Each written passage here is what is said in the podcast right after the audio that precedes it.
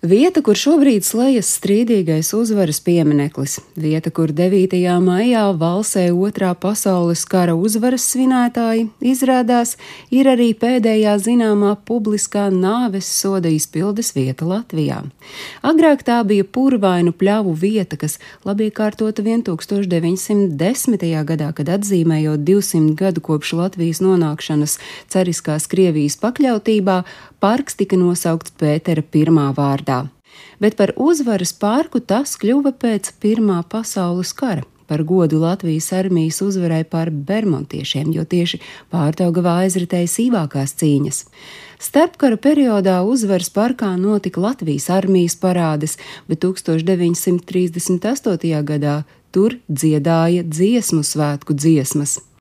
Te Latvijas pirmās brīvvalsts laikā bija plāns izveidot iespaidīgu stadionu ar 25 tūkstošiem skatītāju vietu, laukumu parādēm un plašiem masu pasākumiem, arī velodromu, sporta hāli ar 10 tūkstošu skatītāju vietām un 60 metru augstu torni ar svētnīcu tautas varoņu piemiņai. Un tieši uzvaras parks 1946. gada 3. februārī tika izvēlēts par publisku vietu, kur nāves sodu izpildīts septiņām augsta ranga vācu armijas amatpersonām. Tiesa bija noklausījusies katra apsūdzētā sīku liecību, ap 40 liecinieku liecības un tiesu medicīniskās ekspertīzes.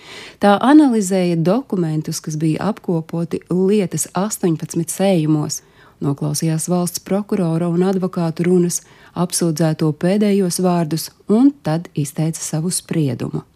Klātesošie to esot uzņēmuši ar jūsmīgiem aplausiem un skaļiem saucieniem, un kā vēsta notikumu acu liecinieki, tad visi padomju Baltijas darba ļaudis esot apsveikuši kara tribunāla spriedumu kā vienīgo iespējamo un taisnīgo soda mēru.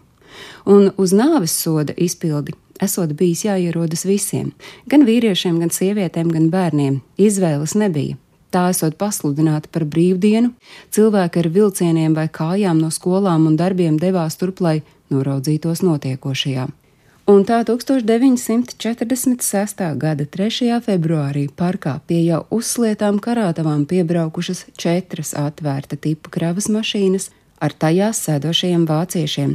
Viņiem apliktas cilpas ap kaklu un pulksten trijos dienā izpildīts nāves sots. Mašīnas pēc tam aizbraukušas.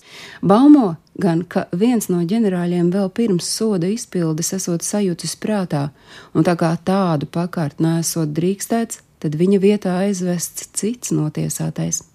Aculiecinieki pēcāk stāstījuši, ka sodīto līķi tur karājušies vēl trīs dienas, dažiem norauda zābaki, vēl kādam bikses, un tikai 6. februārī visu pakārto mirstīgās atliekas sadedzinātas lokomotīvas kurtuvē, tagadējā Latvijas dzelzceļa vēstures muzeja teritorijā, kas ikdienā izmantota, lai apsildītu dzelzceļnieku mājiņas. Stāstīja Agnese Drunka.